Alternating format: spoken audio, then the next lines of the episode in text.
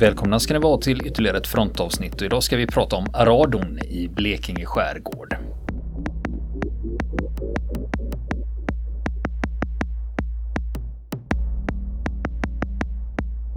Ja du Niklas, mm. Arado 196 eller Arado AR 196 ska vi mm. prata om nu. Ja. Tyskt flygplan. Ja.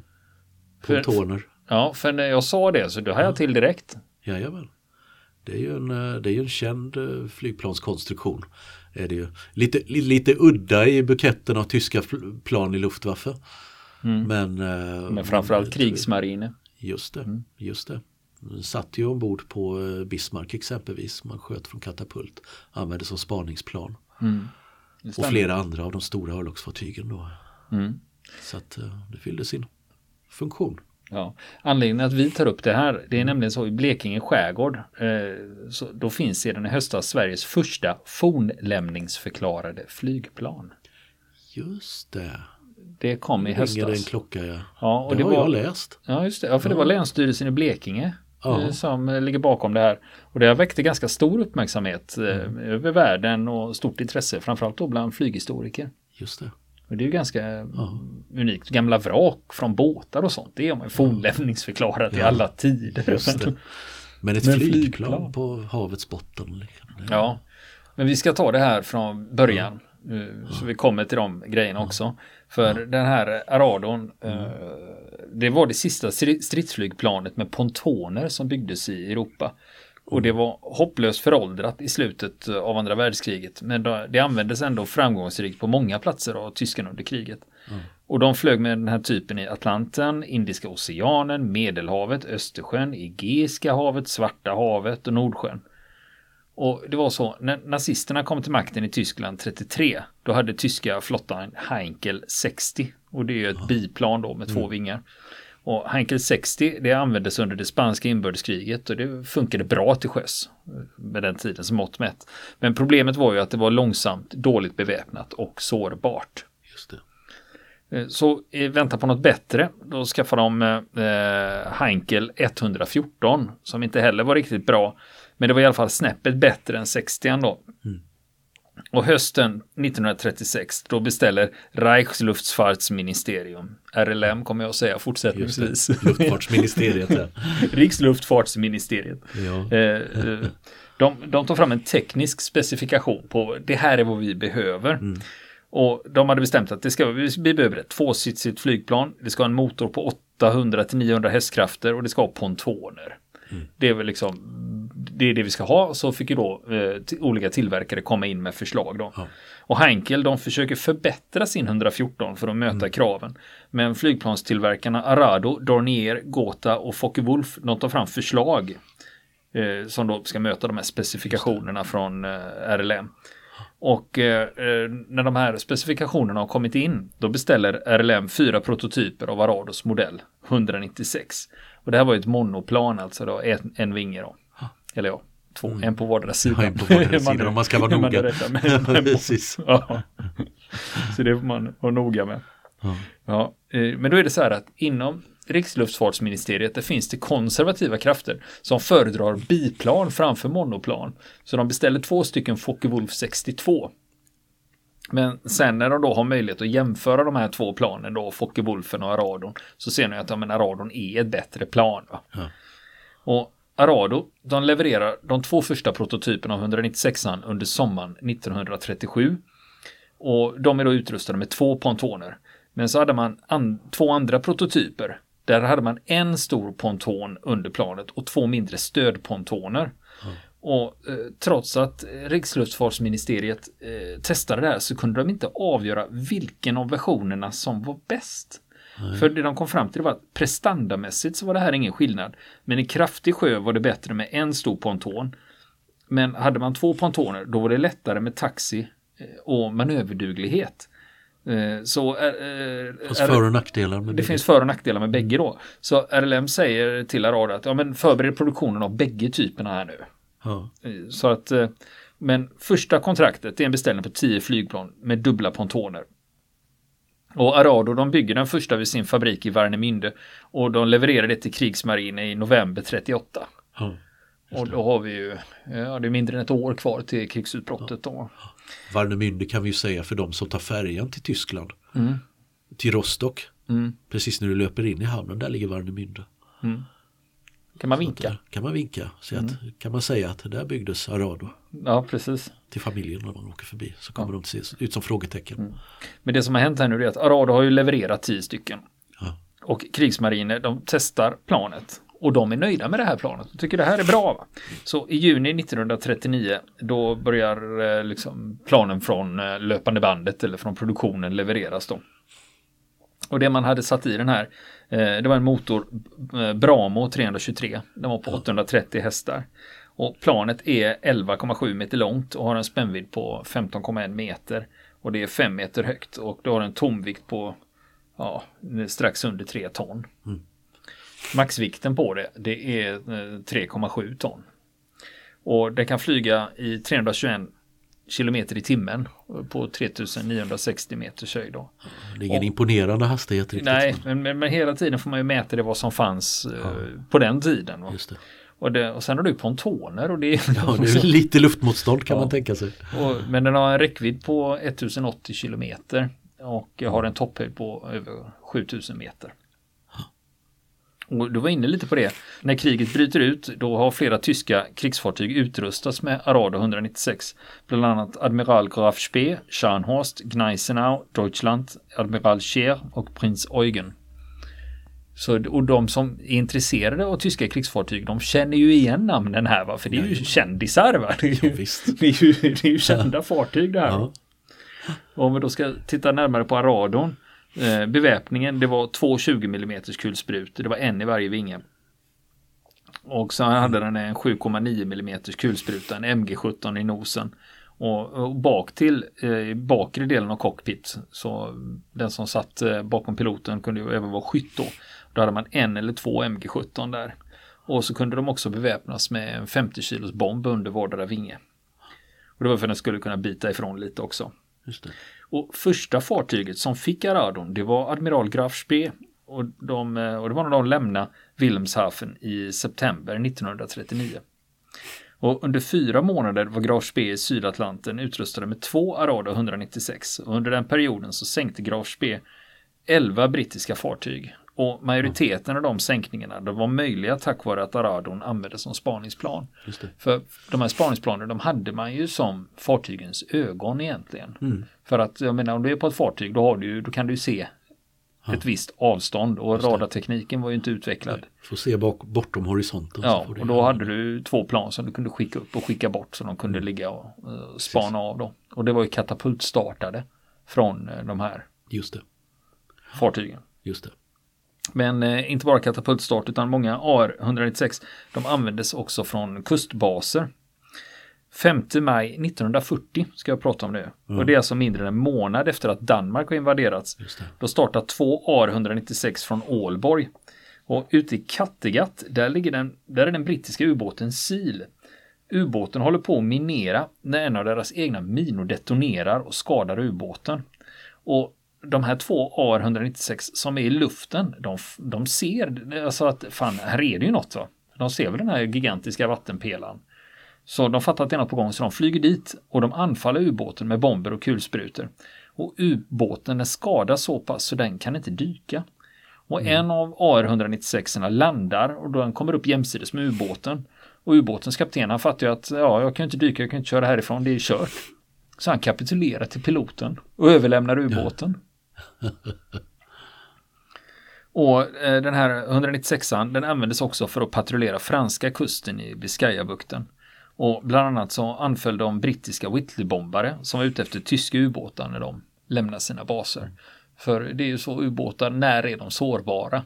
Just det. Och det här är ju ett tillfälle då precis när de löper ut dem. Och det här var typiska roller för Aradon och de var inblandade i mängder med händelser där mm. Aradon fungerade alldeles utmärkt. Och det var det viktigaste tyska spaningsplanet till havs. Och eh, man brukar säga det att det motsvarar, eh, amerikanerna hade sitt Vout, eh, OS2U mm. Kingfisher och det skulle det. då vara liksom den tyska motsvarigheten till det här. Mm. Och produktionen av Aradon 196 den fortsatte under kriget och 94 stycken tillfördes krigsmarinen under 1942. Det är alltså mm. under ett år bara. Och tyskarna förberedde en fabrik i franska Saint-Nazaire för att producera Arado 196. Men där tillverkades bara 10 stycken innan tillverkningen flyttas över till Fokker i Amsterdam. Och i slutet av 43 var Fokker den viktigaste tillverkaren av Arado. Men samtidigt så är de allierades flygplansutveckling i full gång och AR-196 börjar bli lite gammal. Mm. Så i augusti 1944 då stoppar man tillverkningen av den. Och då har det tillverkats 526 stycken av den här typen. Men nu ska vi säga, det var inte bara krigsmariner som använde AR-196 utan även Luftwaffe hade, mm. hade den och dessutom Rumänien och, och Bulgarien. Just det. Ja. Men sen kommer vi fram till eh, det här med att eh, man hade ju tillverkat 526 eh, stycken och hur många finns kvar av dem idag då? Som är i vad man skulle kalla fullgott skick. Ja, det är faktiskt bara tre stycken. Så många? Så många. Ja, ja faktiskt. Ja. Överraskad. Ja, precis. Ja. Det spelar ingen roll vart man åker, springer alltid på en AR-196. Ja. Nej, men en står på ett flygmuseum i Bulgarien. För, och det är en av de 196 stycken som bulgarerna flög. Men under kriget, eh, då tog eh, USA två stycken AR-196 från Prins Eugen som kapitulerade i Köpenhamn.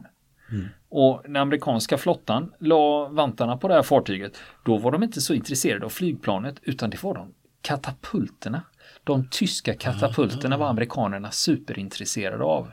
För att se hur de fungerade och hur de var konstruerade. Det måste vara ett tecken på att det var en bra konstruktion. Mm.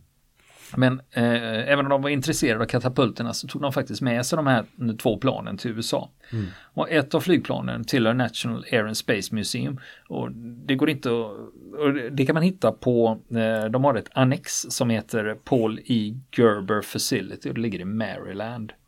Okay. För eh, National Ganska Air and Space Washington, Museum. Alltså. Ja, det är, det är så de har ju olika mm. Eh, platser man kan besöka om man vill titta på deras flygplan. Det. Men det fanns ju ett till mm. som kom från Prince Eugen. Och det tillhör amerikanska flottans flygmuseum i Pensacola. Det är ju nere i Florida. Det. det. är där eh, om man ska se amerikanska marinflygets historia och titta på flygplan som de har haft. Då är det Pensacola som gäller då. Men 2012 då skickar man det här till Tyskland för restaurering. Målsättningen är att det ska ställas ut på flygbasen Nordholz och den ligger vid Nordsjökusten. Eh, Marine flyger Geschwader 3 låg där nämligen. Och det här är alltså öster om Hamburg vid Elbes mynning. Mm. Och eh, det här är norr om Bremerhaven så det är inte jättelångt för oss svenskar om vi vill åka dit och titta.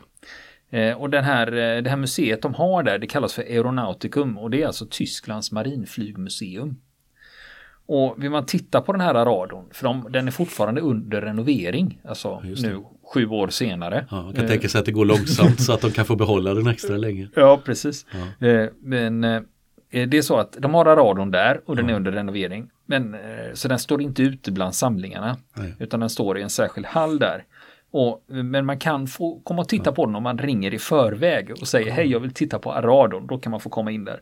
Och det är på onsdagar klockan 11.30. Eh, då visas den på begäran. Bland annat har de renoverat den niocylindriga BMW-motorn. Eh, så den är jättefint eh, utställningsskick numera okay. då. Så den kan man få titta på. Mm. Inte körbart skick då utan utställningsskick? Det vet jag inte.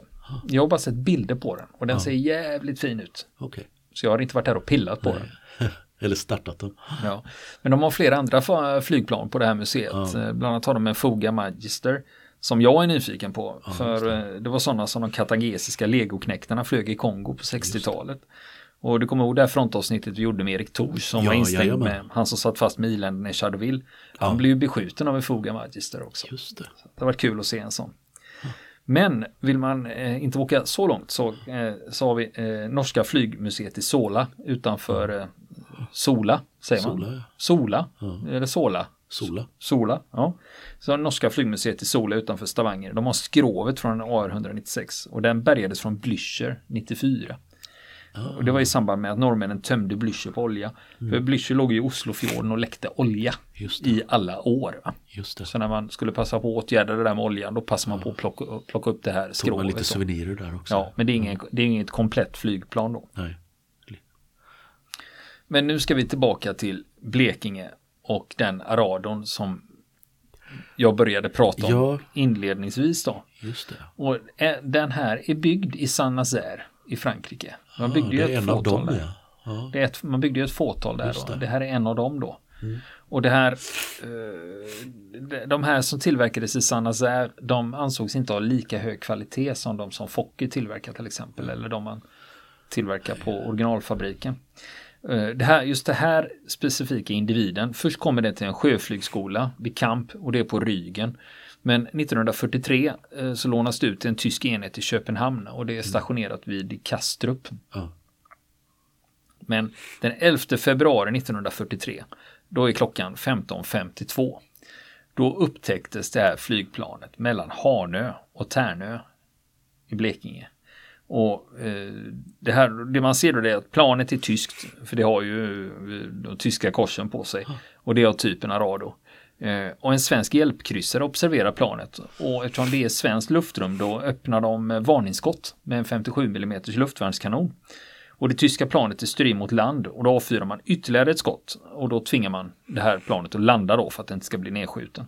Och då landar det ungefär en och en halv kilometer från hjälpkryssaren. Och när flygplanet anropas av kaptenen som heter H.G. Jonsson, då rapporterar han att då hör man att varvtalet ökar på flygplanet. Och då är de rädda att eh, fan, de tänker sticka, de tänker lyfta igen. Så då skjuter man ett varningsskott till då och då mm. slår de av motorn. Och så man, när man kommer fram till det här eh, flygplanet så visiterar man det och man tar hand om de handlingarna som finns ombord. Och eh, flygföraren där, han heter Ludvig Hammer, han var 22 år, han togs ombord på kryssaren och spanaren som var med där, löjtnant Helmut eh, Abramovski, han var 20 år. Han stannade i flygplanet och man bogserade in det till Karlshamn. Och besättningen uppgav i förhör att de hamnat fel och flugit in över Sverige av misstag. Men svenskarna tänkte nog att nej, men det har nog, de har nog ägnat sig åt uh, flygspaning ja. här. De har nog varit här och spionerat helt ja, enkelt. Det är ett intressant område. Ja, för, ja, Karlskrona har ju alltid varit ett intressant precis. område. Och, eh, och, anledningen till att man är så här misstänksam det är att man har observerat att, man, att de har kastat ut en säck från flygplanet i havet innan det landar. Aha. Då dumpar man någonting ja. ur flygplanet och då förstår man att mm. vad är det de vill att vi inte ska se. Ja. Och chefen för flygskolan i Ljungbyhed, Åge Lundström, eh, han förhörde de här två tyskarna och i sin rapport så skriver han att han under förhöret har försökt få fram mer information från dem. Alltså genom eh, vad är den här, kring den här säcken, vad är det de har slängt ut? Va? Och bland annat så försöker han bluffa dem genom att påstå att eh, ja just det, det är den där säcken ni kastade ut, vi hittar kameran. och i rapporten skriver Lundström alltså resp respons på detta påstående. Då blev löjtnanten förvirrad och sa att han ej önskade diskutera dessa förhållanden vidare. Men underofficeren däremot smålog menande. ja. Men nu var det så här, den här säcken den hittar man aldrig. Uh, utan uh, men det man hittar i planet det är en fotograferingsjournal. Mm. Som visar att man har tagit fyra plåtar. Men det står inga datum när de här är tagna då. Så man kunde inte liksom slå det här, liksom peka dem, liksom. och säga att det här, titta här har ni själva skrivit i journalen att ni har tagit mm. de här bilderna nu. Det, det. det fanns inte, utan det stod bara att man har tagit fyra plåtar. Och det som händer med besättningen där på flygplanet, de får stanna några dagar som gäster vid flygskolan. Och då bor de eh, hemma hos flyglärare. Så de satt inte i fängelse eller häkte eller arrest eller någonting utan de fick bo hemma hos flyglärarna. Och sen på natten mellan den 14 och 15 februari då återlämnar man dem till tyska myndigheter. Då släpper man dem på ett permittenttåg mm. från, som kommer från Norge då. Och då släpper man dem vid färjeterminalen i Helsingborg. Och då mm. är ju det här tåget på väg i riktning mot Tyskland då. Så att man skickar hem dem, med behåller planet då. Eh, och det här planet det togs emot eh, för förvaring av eh, tillsynsmannen vid F2K och F2 var ju egentligen, eh, F2 Hägernäs hette ju det, det var ju en eh, flygflottilj uppe i Stockholmstrakten som inte mm. hade några startbanor utan det var ju för sjöflygplan då, F2K stå, K står ju för Karlskrona då. Och det här sker i mars 1943. Och så förvarades det sen vid flygvapnets övningsplats i Karlskrona. Och här magasineras det också i två år på Stumholmen i Karlskrona i marinflygets hangar 2. För på Stumholmen så finns det. det kvar hangarer. Hangar 2 finns inte kvar men hangar 3 och 4 finns mm. bredvid slipen där man drog upp sjöflygplan. Så vill man så, du har hängt mycket i Karlskrona. Jag har varit mycket på Stumholmen. Du har varit mycket på Stumholmen. Ja. Nej, så att då, man kan åka dit och titta på hur de här, mm. den här typen av hangarer ser ut. Mm. För mig de är byggnadsminnesmärkta också. Det är väl det halva Karlskrona. Det, ja, hela Stumholmen är väl i princip K-märkt. De gamla ja. miljön där från flottans. Ja. ja, men nu kommer vi tillbaka till det här aktuella flygplanet då. För eh, enligt dokument i flygförvaltningens arkiv så den 6 april 1945 då säljer man det här planet. Jag menar, då är ju kriget mm. nästan slut. Då. då säljs det här planet till företaget eh, Kon Kontinentagenturen eller Kontinentagenturen. Det är lite olika stavningar om det är med K eller C då. Och det säljs, det här företaget ska då ligga i Stockholm. Och då lämnar man ut eh, det här eh, planet då. I, från förvar, man förvarar ju det i Karlskrona. Och så lämnar man ut det till flygstaben som ligger vid Lindarängens flygplats. Och Lindarängens flygplats det är Gärdet, Stockholm. Ja. Där låg det. den då. Men sen finns det lite speciella uppgifter kring vad som har hänt sen då. För det finns uppgifter i senare beskrivningar av flygplanets historia att just den här kontinentagenturen det ska ha varit en täckmantel för den brittiska underrättelsetjänsten. Och att den brittiska majoren John Turner ska ha lagt ut egna pengar för eh, planet. Så att eh, det är inte något eh, liksom, reellt företag utan det är brittiska underrättelsetjänsten som ska ha köpt det här. Då. Sen finns det också uppgifter på vilka kopplingar flygplanet kan ha haft till den brittiska underrättelsetjänsten. Men det finns en akt på en John Turner som är brittisk medborgare. Och det, mm. den akten finns i Säpos arkiv. Och där föreslås det då att John Turner egentligen var ett falskt namn som användes av den brittiske konsuln Kenneth White. Okay. Så att eh, det här med att eh, han har köpt den under falskt namn ja. om ett falskt bolag då. Mm. Men sen dyker också upp en annan person i det här som heter Herr Bernhoff. Eh, och han skulle då eh, representera kontinentagenturen. Eh, och där är man ganska säkra på vem den här Bernhoff egentligen är. För det var ett täcknamn som användes av den norske Bjare Toralf Bernhoff Johnsen. Och han var välkänd av den svenska säkerhetspolisen. Och man hade starka misstankar om illegala förbindelser med norsk-engelska underrättelseväsendet. Då. Och framförallt var han insyltad då i eh, handel med vapen till det ockuperade Norge. Mm. Det låter som han har sålt det här planet med öppna ögon så att säga. Ja, uh, ungefär. Ja, så här. Jag menar, det är bara, ja. nu, kriget är ju i sitt slutskede, ja. det är ju ändå april uh, 1945 här. Va? Men sen är det det här, vad tar planet vägen sen då? Jo, då ska det faktiskt ha skett en olovlig flygning med det här planet då. Och det, det, skulle, och det är det så att flygplanet flygs till Norge från Lindarängens flygplats i, i, i, Stockholm då, i maj 1945. Och sen användes planet i Norge för hemliga transporter av flyktingar och agenter i Nordnorge. Jaha. Sägs det. Och i flygplansjournalen från Lindarängens flygplats då har man daterat 26 maj 45.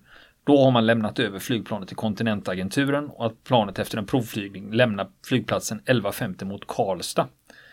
Och eh, sen finns det andra källor som säger att det här flygplanet det kom aldrig till Karlstad mm. eh, och mellanlandade utan det fortsatte till norska sjöflygplatsen Fornebu. Oslo alltså. Och det är där liksom, då försvinner det till Norge. Just det. Och sen exakt vad som har hänt där då, det är lite höljt i dunkel då. Men sen 1946 då säljs planet igen och då är det till ett svenskt företag som heter AB Arenbergs Flyg. Och det är ingen täckmantel utan det är, ett det är en flygfirma. Och då får den den svenska beteckningen SCAWY. Och sen använder man den för målflygning för svenska försvaret nere i Karlskrona. Och sen kommer vi fram till eh, 19 augusti 1947. Ja.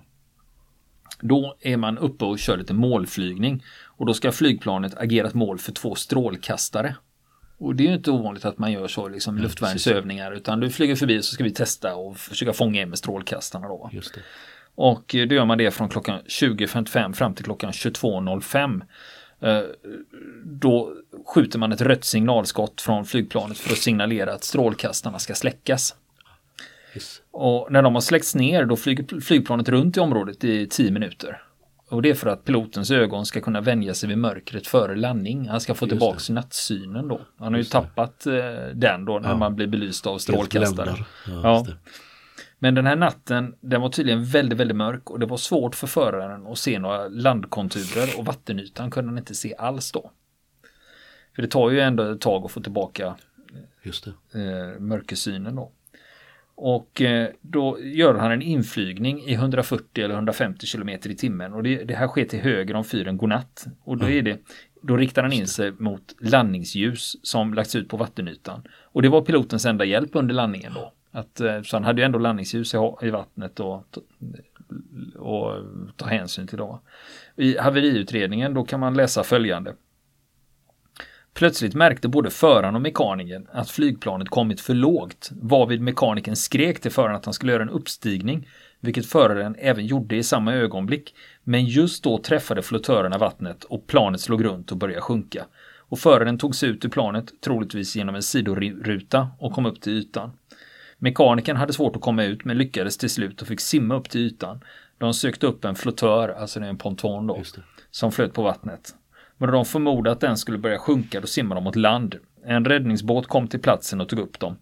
Föraren och mekanikern vore försedda med fallskärm och flytväst men blev och tvungna att i vattnet ta av sig fallskärmarna eftersom de blev så tunga av inträngande vatten. Och sen, eh, det här skedde ju då 19 augusti 47. Planet har slagit i havet och sjunkit. Och man avregistrerar det i september 47.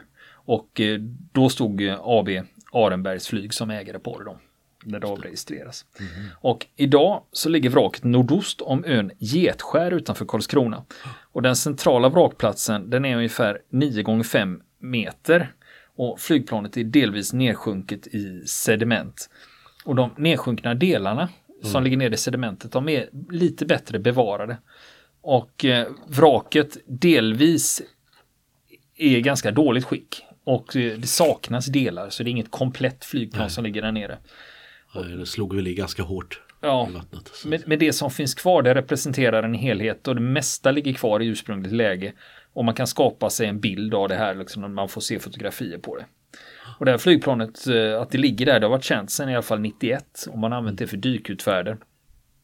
Men innan man, Länsstyrelsen här började intressera sig för det här så har man inte gjort någon antikvarisk besiktning eh, av det här flygplanet. Eh, men eh, det har uppmärksammats av flyghistoriskt intresserade och man har diskuterat om man skulle kunna bärga det här för att ställa ut det. Mm. Men det verkar inte vara någon bra lösning. Planet är för dåligt skick för att lyfta och det skulle kosta väldigt mycket. Och dessutom så finns det ju en anledning till att det ligger där det ligger. Jag menar det har legat där sedan 1947. Just det. Nu. Så man säger att man skulle störa planets kontext. det är en formulering. Ja, som det heter. Ja, så att ja. man tycker att det ligger bra där det ligger då. Eh, men det här hade ju varit besöksmål för dykare då. Och, för det här ligger bara på 11,5 meters djup. Mm. Och i dyksammanhang, i dyksammanhang är det ingenting. Nej. Till och med det absolut första dyksättet. Det är ju nästan fridyka om du är duktig. Ja, precis. Ja. Eh, men till och med de, det första dyksättet som de flesta tar, alltså, som heter Paddy Open Water, ja. då får man gå ner på sådana djup. Det. Så det är inga det är inga svårigheter. Va? Mm. Men eh, jag vill ändå passa på att varna lite här när det, just när det gäller dykning. För eh, det är så att de, det som tar dyksätt på semestern utomlands i tropiska vatten. Och så kommer man då hem till Sverige och så börjar man dyka här och det är en helt annan grej. Eh, för på en del tropiska semesterorter där är det ju som ett akvarium. Det är varmt och det är god sikt och inga strömmar. Mm. Och så kommer man till Sverige då. Det är kallt, det är mörkt, strömmar och dålig sikt och andra saker som går på tok. Ja, så har man tagit ett sånt där semestercert och vill dyka i Sverige så tycker jag man ska gå till en svensk dykfirma och skaffa sig en svensk dykutbildning så man lär sig de svenska förhållandena för de kan vara luriga. Va? Men om vi ska tillbaka till planet som ligger där nere. Eh, för det var ju klätt med duk det här planet och det är ju helt förstört. Va? Ja. Och skalplåten på det, det är också förstört. Men planets form och många delar går att utskilja genom de stålrör och andra delar och då är det framförallt spant och sånt. Alltså flygplanets skelett. Det, det, det, går att se. Och planet ligger på vänstersidan med framdelen i ostlig riktning och längst i väster reser sig vad som återstår av den högra stabilisatorhalvan. Eh, och det, den sticker upp ungefär en och en halv meter från botten. Mm. Och akterfenan är till större delen täckt av sediment men en del delar är fortfarande synliga. Och den vänstra stabilisatorhalvan ligger avbruten under flygplanskroppen och sticker ut på östra sidan. Det är som man blir lite sugen på att ta sig ett dopp. Ja, det går att googla så man kan få se bilder på det här annars. Ja. För det finns ju, Länsstyrelsen i Blekinge har ju en rapport Just på det här flygplanet. Och resterna av den här flygplanskroppen som ligger där, den är ungefär fem meter lång. Och mitt i den finns det ett mellanrum i stålrören och det, det, där tror man att det har varit platsen för en mindre lucka. Men längs styrbordssidan, styrbordssida är höger för landkrabbor, eh, i höjd med cockpiten, där sitter vingfästet kvar. Och delar av den plats där cockpiten bör ha varit, den är täckt av högervingen. För, det, för högervingen den bröts av från sitt fäste och den har lagt sig upp och ner. Och då täcker den delvis flygplanskroppen, men framförallt ligger den på havsbotten norr om planet. I haverirapporten här, då anger eh, vi nedslaget då att eh, det varit vänstra vingen som bröts av i förlisningen och även flöt på vattnet. Men man beskriver också att planet slog runt. Och det ser man också på lämningarna då, hur det ligger. Och då skulle man kunna tänka sig att ja, om, det, om det har slagit runt, vad är det som är höger och vänster då? Just det. Sen motorn, den ligger där. Den mm. ligger omedelbart framför flygplanskroppen och här finns även delar av den kraftigt snedvridna propellen. Mm. Och motorn förefaller mer nedborrad i sediment än resten av flygplanet och det är inte så konstigt. Det är ju den tyngsta delen och då är det inte konstigt att den sjunker ner. Och man tror också att det är den som har slagit mot havsbotten först. Mm. Och de skriver också i utredningen här att det är väldigt vanligt under flyghaverier att det är så det går till. Eftersom motorn är tyngst mm. så då går den först. Då går den först, ja. Precis. Och trots den här motorn, den är ganska, eh, den är lite i delar men eh, många komponenter går fortfarande att identifiera. Bland annat högra luftintaget om man är intresserad. Mm. Men så har vi det där med pontonerna, vad fan tog de vägen? Ja. Ja, eh, de saknas, men mm. omedelbart söder om vraket finns det antal kraftiga metallpinnar och då tänker man att ja, men det borde varit stagen till pontonerna då. Och sen har dykare föreslagit att delar av de här pontonerna ligger 30 meter från den egentliga vrakplatsen men eh, det är inte bekräftat på något sätt. Då. Nej. Så det är där den ligger om man vill åka och titta på den. Men annars eh, vill man inte åka och titta på den så går det att googla på det här för det finns bilder på vraket det. hur det ser ut då så man kan få en, som kan få en bild av det här. Och eh, Aradon, eh, det är många som har sett eh, en, en eh, tecknad version av Aradon, mm. Aradon 196 utan att veta om det. För Jaha. det är i Tintin-albumet Den mystiska stjärnan. Där finns det en knallgul Arado 196 med. Och det är det som katapultstartar från skeppet SS Aurora. Det är det som Tintin är ombord på. Ja. För det är ju så att eh, man tävlar ju. Mm med, med SS Aurora med Tintin och forskarna där och så sen har vi skurkarna då på, plan, på båten Peary som då ska, eh, ska ta först. sig till den mystiska, den här ja. delen av eh, meteoren som har, eller kometen, ja. som har brutits av och hamnat i, i havet då. Vem tar sig dit först då? Finns det också en svensk koppling där. För på Tintins expedition där förekommer den svenska forskaren Otto Södersköld, författare till märkliga arbeten om solens protuberanser. Som direkt hämtat Otto Nordenskjöld liksom. Otto ja, Söderskjöld. Det är nog ja. inte så långt steg därifrån. Nej. Jag vill passa på att tacka tipsaren eh, ja. av det här. För jag hade, inte, jag hade inte hört om det här förrän eh, Maria Göransson på Länsstyrelsen i Västra Götaland berättade det här för mig. Att, eh, jag berättade att jag är intresserad av militärhistoria. Då säger hon, men Blekinge, Länsstyrelsen där. Mm. De fornminnesförklarade ett fartyg i höstas. Har det, inte, det kanske är något för er? Ja. Och det var det. Och det var det. Vill ni komma i kontakt med oss så kan ni göra det via vår Facebook-sida som heter Fronten. Det är inga problem för er att leta er fram där. Eller också så mejlar ni på vår mejladress och det är frontenpodcastgmail.com.